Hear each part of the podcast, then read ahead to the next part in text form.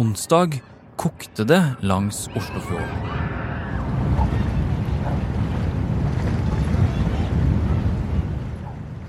Med politi i følgebåter, droneforbud, flyforbud og båtforbud så stoppet trafikken helt opp når bilister og skuelystne skulle overvære et høyst uvanlig besøk. Nemlig innseilingen av verdens største krigsskip.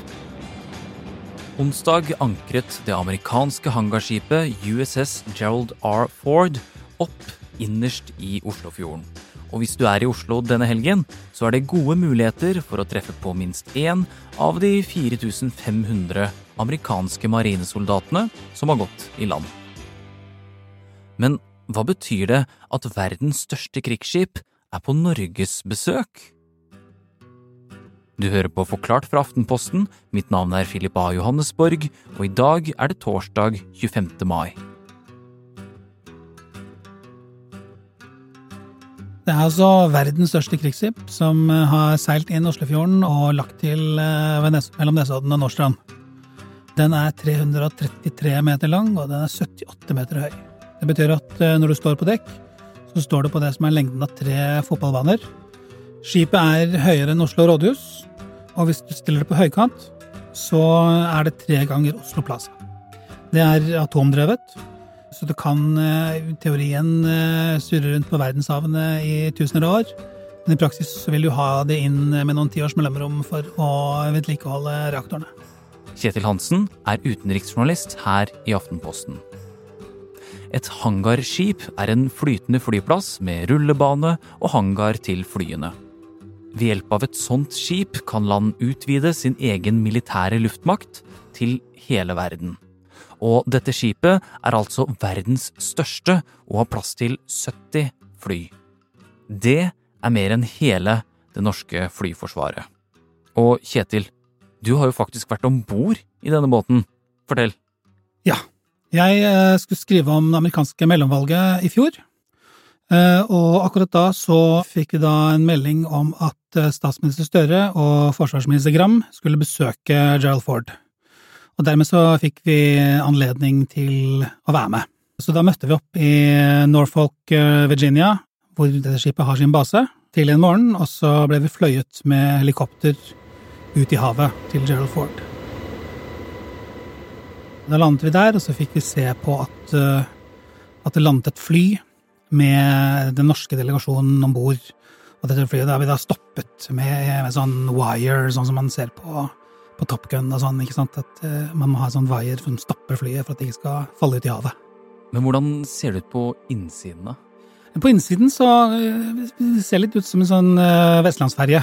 Det er ganske sånn nakne vegger og litt sånn Det føles veldig maritimt og, og metall og, og, sånn.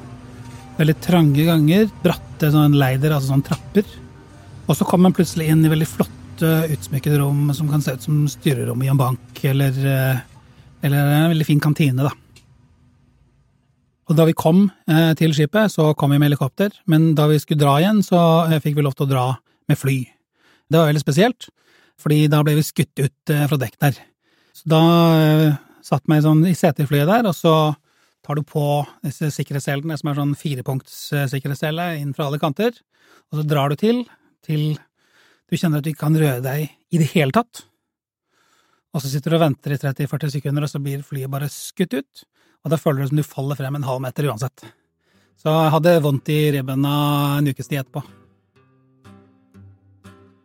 Og nå er skipet altså ankommet Oslo på sin første ordentlige tokt.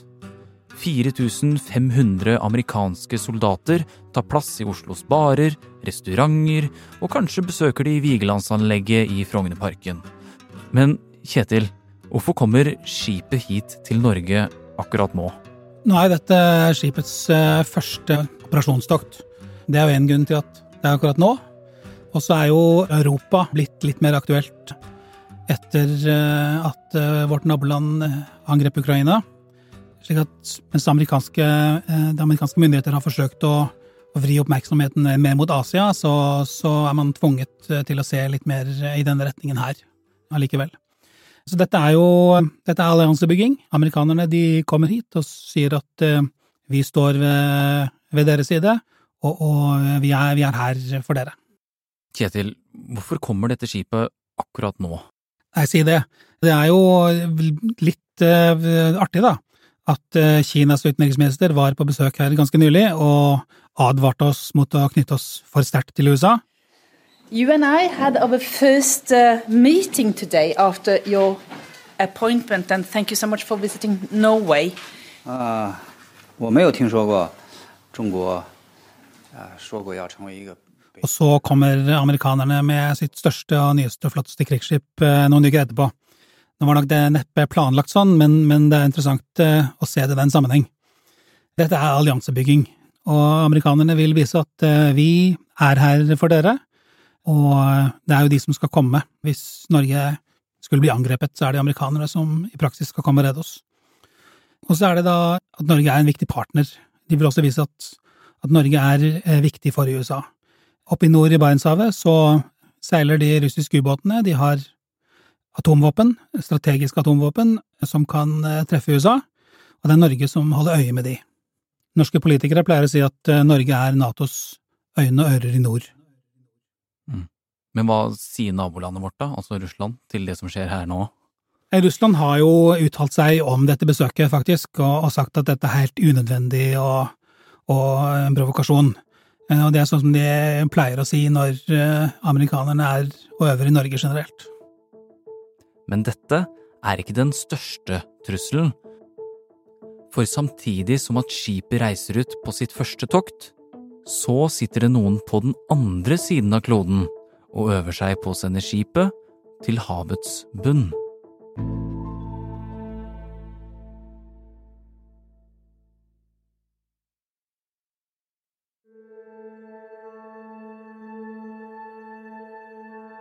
Sånn sett i stort eh, så er det jo å fremme USAs interesser eh, rundt på kloden.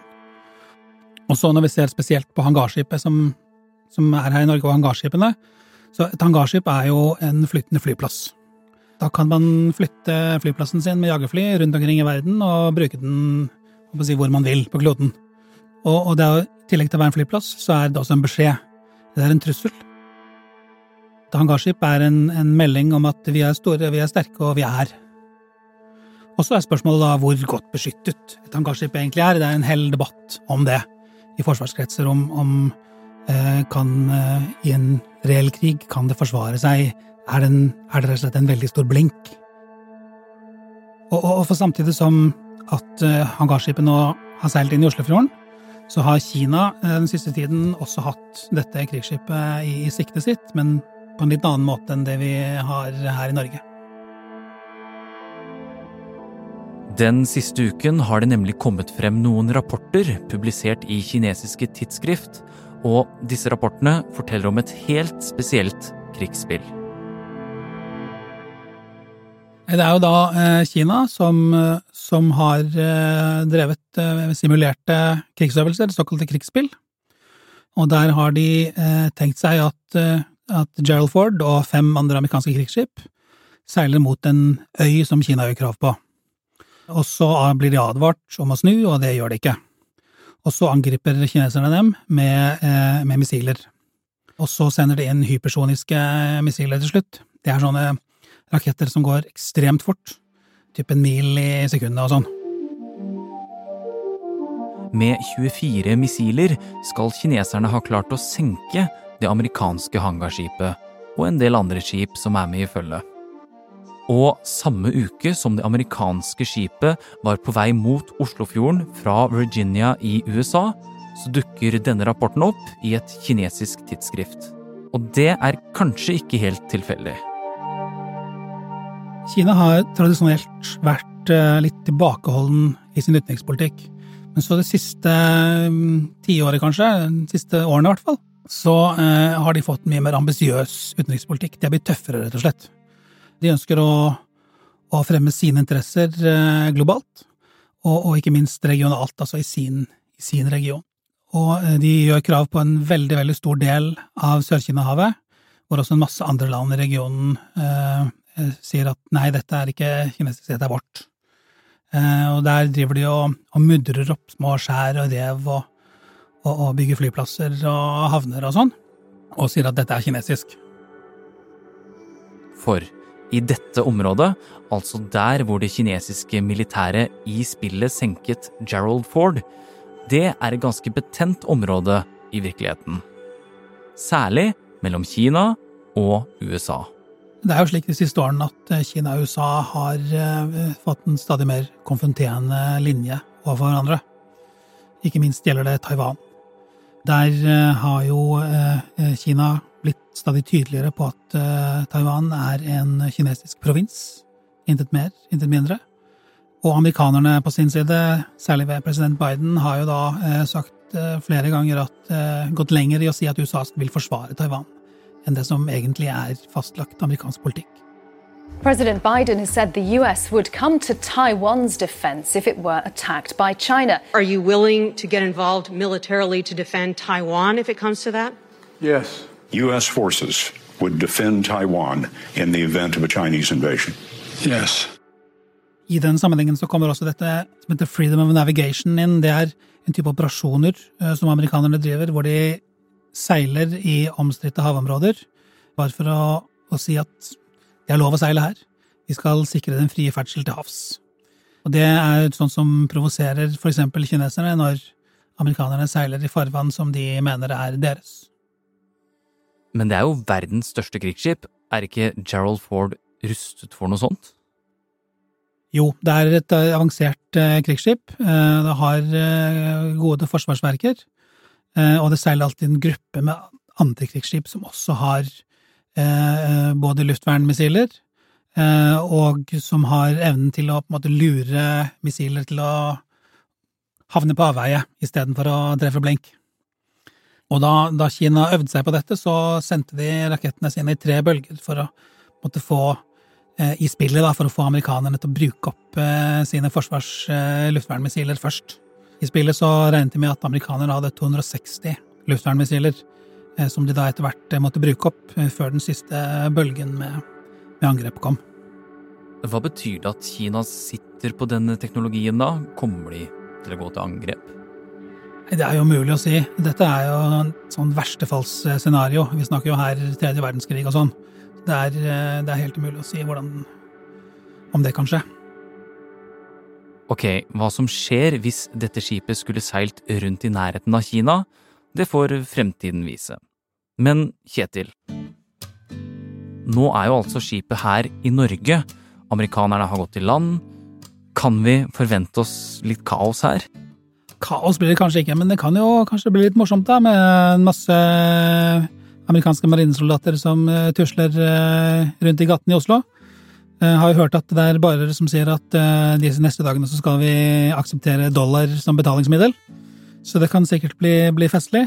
Og de Vi vet jo ikke nøyaktig hvor lenge det skal være, men de blir nok de neste dagene, og kanskje til og med over helgen også. Uh, og så skal de videre på, på sitt uh, tokt. Mm. Vet vi hvor Gerald Ford skal sette kursen videre? Nei, jo, er jo sånn Militære myndigheter er jo veldig nøye med å ikke fortelle for mye om, om hva de skal og sånn. Eh, men det er også en, en, en flyvåpenøvelse eh, nordpå eh, ganske snart. Og det har vært litt antydninger om at de Gerald Ford skal i den retning. Så det kan jo hende man kan følge dem minutt for minutt ut inn Tromsøsundet neste uke, hvem vet.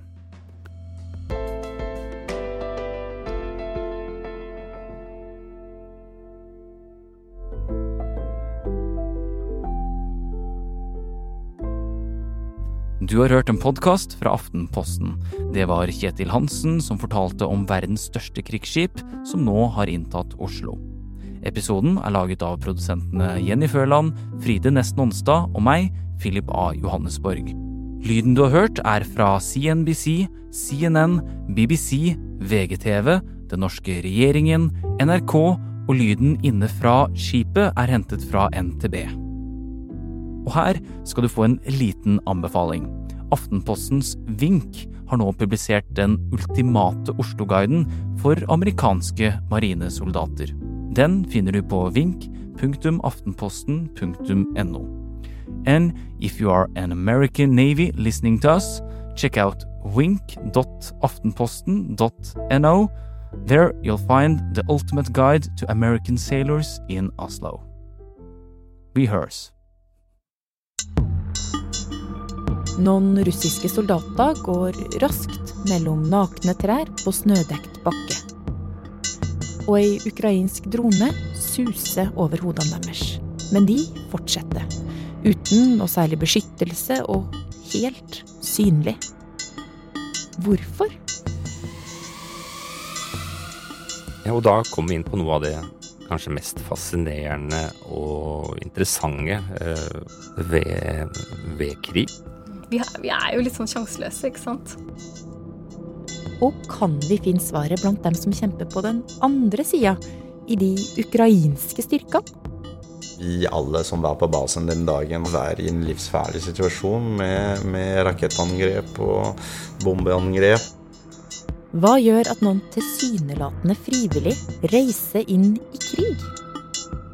Dypdykk er ut med en ny episode, og du kan høre den i Aftenposten-appen eller hos Podme.